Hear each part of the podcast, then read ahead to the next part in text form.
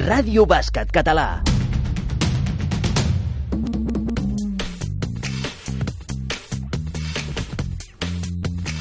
La tertúlia.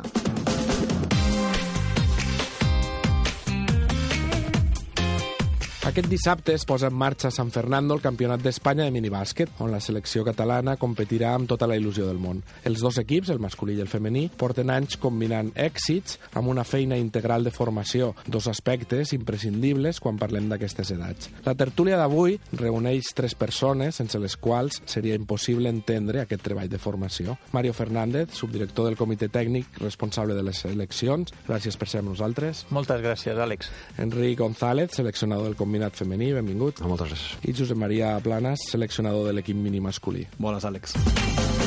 Mario, fa unes setmanes que es va disputar els campionats infantil i cadet. Bueno, jo crec que tota valoració s'ha de fer des de la perspectiva del temps i ara ja hem passat gairebé dos mesos i mig ben bons. Jo crec que la conclusió és positiva. Positiva per una banda, perquè si t'agafes els resultats, la vessant femenina, doncs vam aconseguir tant a la cadet com a la infantil l'or, i a la masculina sí que és cert que vam tenir una cinquena posició amb les cadet, però sabent de quines eren les condicions i els condicionants que ens vam trobar allà a Valladolid, sobretot en forma de lesions, doncs aconseguir un cinquè lloc jo crec que és prou meritori. I en el cas de la infantil masculina doncs vam fer bronze, va ser la tercera posició, que sabent una miqueta la realitat del que suposava per comunitats com Madrid i Canàries, doncs creiem que en general és una conclusió positiva la que podem treure d'aquestes categories. Ara arriba el torn dels jugadors i les jugadores de minibàsquet. Com es presenta? Bueno, es presenta apassionant. Jo, sobretot, en aquest cas, que parli l'Enric, que parli el Josep, que són realment els, els experts, però jo crec que sense anar molt lluny, fa dues setmanes vam fer un torneig de seleccions autonòmiques a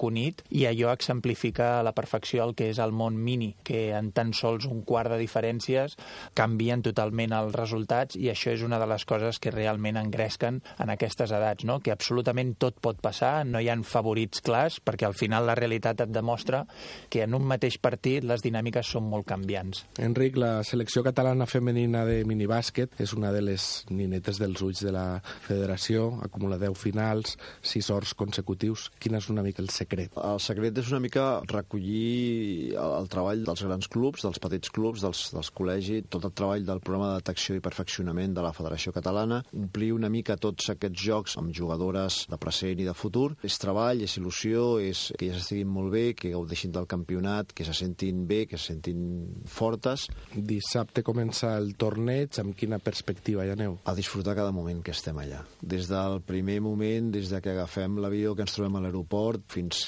que ens despedim a l'aeroport de tornada, a disfrutar de cada moment, a fer el que ens agrada fer, que és jugar a bàsquet, i hi haurà uns moments que anirem a competir, i nosaltres sempre els diem que guanyar o no guanyar és una cosa que ho posarà al marcador, però bueno, quan sortim ens hem de mereixer guanyar, vull dir, hem de treballar per fer-ho, i, i això sí que no ens podem oblidar de fer-ho. Les seleccions que lluiten per les medalles van canviant en funció de cada generació o més o menys sempre són les mateixes les que aspiren a estar a dalt? Acostumen a ser les mateixes. Últimament, eh, amb els quatre primers eh, classificats, eh, el que serien les dues semifinals, eh, ens trobem amb Andalusia Madrid nosaltres, i després aquesta quarta selecció bueno, va variant una miqueta en funció de, de les generacions que tenen les federacions.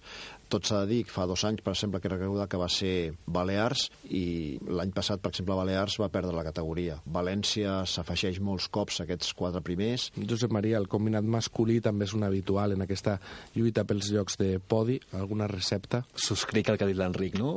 Donar-los moltíssima il·lusió, aprofitar el treball que es fan als clubs, als col·legis, eh, també des de la federació al nivell del PDP, doncs aprofitar i, i ser esponges nosaltres d'ells, no, no ells de nosaltres, perquè al final és aprofitar les seves capacitats, que les posin al servei del grup. Aquí és on crec que és la nostra principal feina, no? que és, és sumar individus. Nosaltres portem set clubs diferents, dels 12 seleccionats són set clubs diferents, i per tant, si només fessin el que fan amb els seus clubs, serien una suma de 12 individus, i nosaltres el que hem de fer és crear un equip. Però el recepte, el que deia Enric, no n'hi no ha. Això és transmetre la passió que tenim, la màxima il·lusió, i intentar allà fer que els nens s'expressin com el que són són, nens, tractar-los com a nens, i intentant competir, tenint molt en compte que són nens. A pocs dies que comenci el torneig com a seleccionador, què és el que et preocupa a hores d'ara? El teu cap està ocupat pensant en què? És una cosa és preocupada, altra cosa és ocupat, jo preocupat no. O sigui, si anem a disfrutar, anem a, anem a intentar això, no? L'obsessió és que disfrutin, des que agafem l'avió la, fins que els deixem els nens a, a, a la tornada del dimecres. Això és l'obsessió.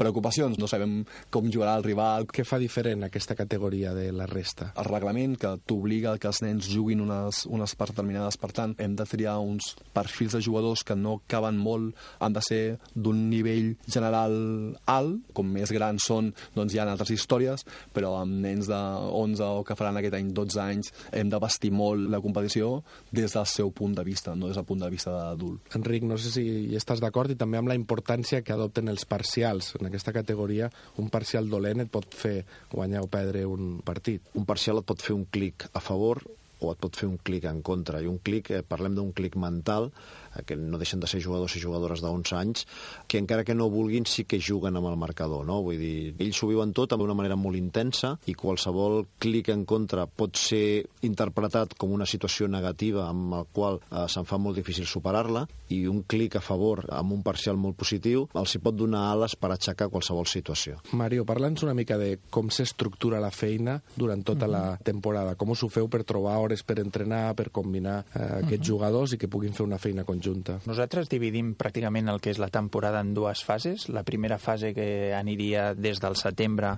fins al desembre, on no és que donem prioritat, però sí que el volum d'entrenaments és més protagonista per categories cadets i infantils, donat que el Campionat d'Espanya és la primera setmana de, de gener.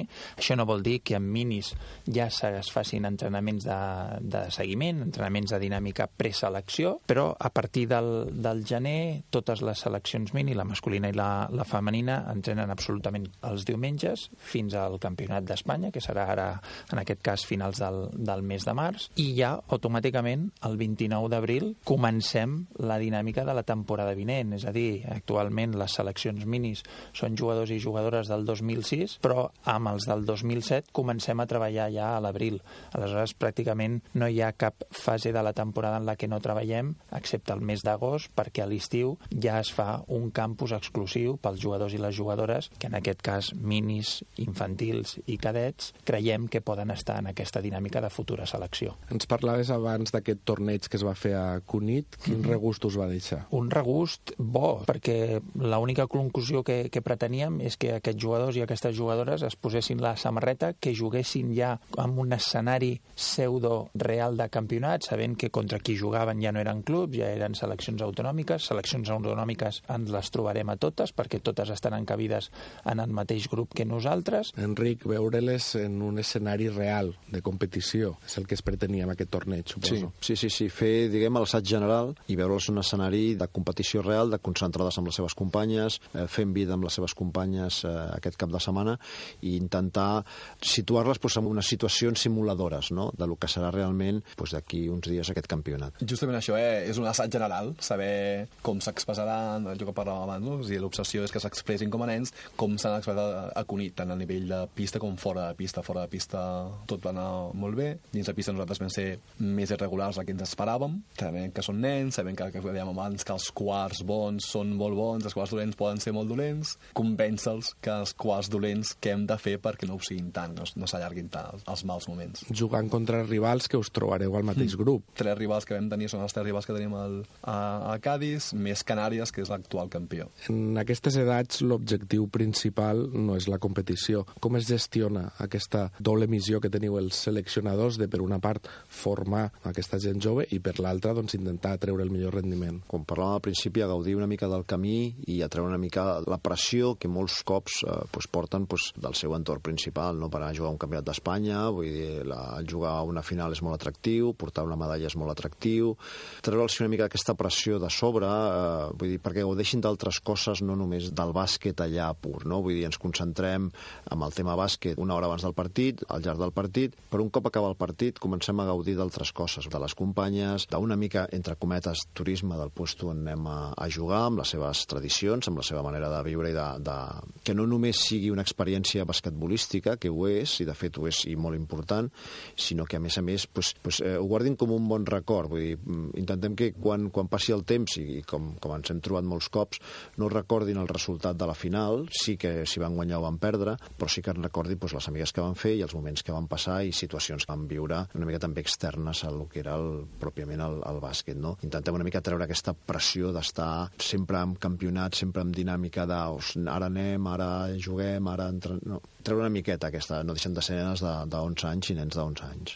Utilitzar aquesta competició com una eina més de, de formació. Es expliquem molt que competir té poc a veure amb marcador i té molt a veure amb una actitud. I es pot competir contra gent d'un altre nivell molt superior, que tu pots estar amb l'actitud correcta per estar al teu màxim nivell, que al final és el que nosaltres podem exigir-los, tant als nens com a les nenes, que s'expressin amb les seves màximes capacitats eh, posades sobre la pista. Hi ha moments per estar al menjador i fer dinar tots plegats, hi ha moments per fer una mica més l'animal i jugar i distreure's, hi ha moments estar més concentrat, hi ha moments estar preparant partits i, i parlant de quines són les seves sensacions, hi ha moments per tot. Han de tenir un record que d'aquí X temps recordin això, no? recordin com s'ho van passar, quina mica van fer, amb qui van parlar, de les seccions rivals, aquestes coses són les que nosaltres intentem promocionar i potenciar. Quan aquests nens, aquestes nenes salten de categoria, en quins paràmetres us fixeu per veure com de satisfets satisfets esteu amb la vostra feina? Ells s'expressen igual que en els partits més, més complicats, al cap d'any, any i mig,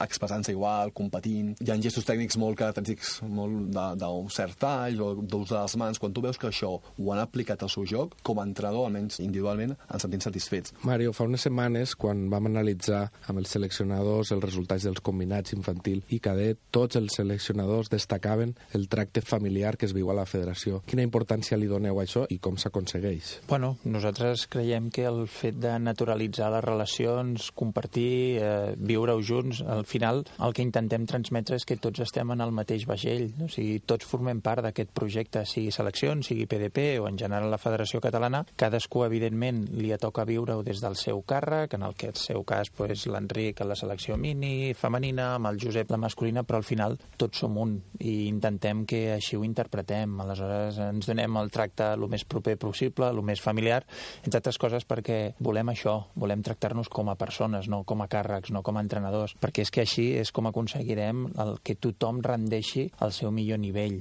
i a partir d'aquí doncs que els resultats diguin el que diguin, però sabent que els resultats han de ser una conseqüència, no han de ser un objectiu clar i evident. Que tothom vol guanyar? Sí, és lògic, però jo crec que més important que guanyar és l'experiència en si i a partir d'aquí doncs veurem com es dona. S'integra també molt el paper de la família. Nosaltres, eh, abans dels campionats, amb totes les categories, fem una reunió per explicar-los la logística i tot el que farem en el campionat, però també per demanar-los que formin part d'aquest col·lectiu que col·labora amb les seleccions. La benzina de tot plegat són els pares que moltes vegades amb esforços silenciosos són els que porten els seus fills, són els que ho recullen, són qui paguen les inscripcions, qui estan fent força des de darrere, volem que tinguin molt present l'esforç i el reconeixement que fan pels seus fills i filles. Una de les iniciatives que heu promogut aquest any és la d'una xerrada dels jugadors i jugadores que van competir l'any passat amb els jugadors i jugadores que han de competir aquest any. Què us va aportar? Ens aporta moltíssim, ens aporta